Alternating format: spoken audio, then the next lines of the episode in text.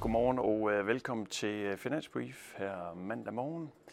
Og øh, lad os starte med at tage kig på øh, tallene, som de så ud i sidste uge på øh, finansmarkederne. Det bliver en uge med øh, minuser. For en gang skyld jo efter øh, en, en række gode uger i løbet af juli, jamen, så er august startet lidt sløjt på, øh, for aktierne, øh, som, som korrigerede ned øh, sådan fra midten af ugen og, og sådan set øh, det meste af resten af ugen der. Og det var jo i Blandt andet på den her nyhed omkring Fitch, øh, det det ratingbureau, der nedgraderede USA fra den højeste rating på deres statsobligationer til den næsthøjeste, som øh, gav anledning til nogle rentestigninger, og øh, så også gav nogle, nogle ja, aktiekursfald, også på nogle sådan lidt halsløje nøgletal. Altså vi havde både nogle ISM'er, men også en jobrapport fredag, der var sådan til en halsløje side. Så, så det gav den her, man kan også sige en korrektion nedad jo efter nogle store aktiekursstigninger for inden.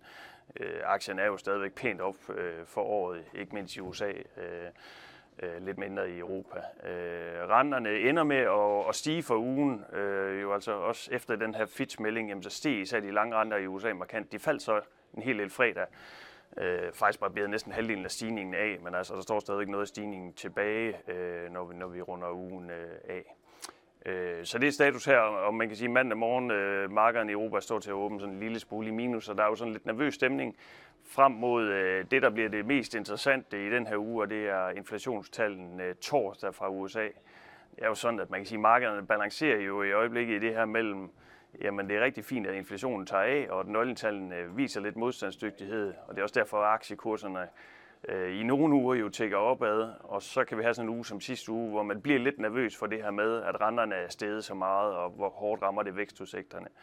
Øh, det er den her balancegang, og derfor er inflationstallene jo særdeles spændende, fordi hvis vi får det samme som i juni, altså hvor inflationen i USA øh, faktisk tog ret markant af, hvis vi ser det samme i juli-tallene, så vil det være godt nyt for aktiemarkedet. For så er det klart, så styrker den her tro på, at man kan få en, øh, en øh, ja, hvad skal vi sige, øh, man kan få inflationen ned, uden at få en hård økonomisk øh, nedtur. Så man kan sige, får vi nogle pæne inflationstal der torsdag, jamen, så er der egentlig basis for, måske et humør hos investorerne kan blive løftet lidt.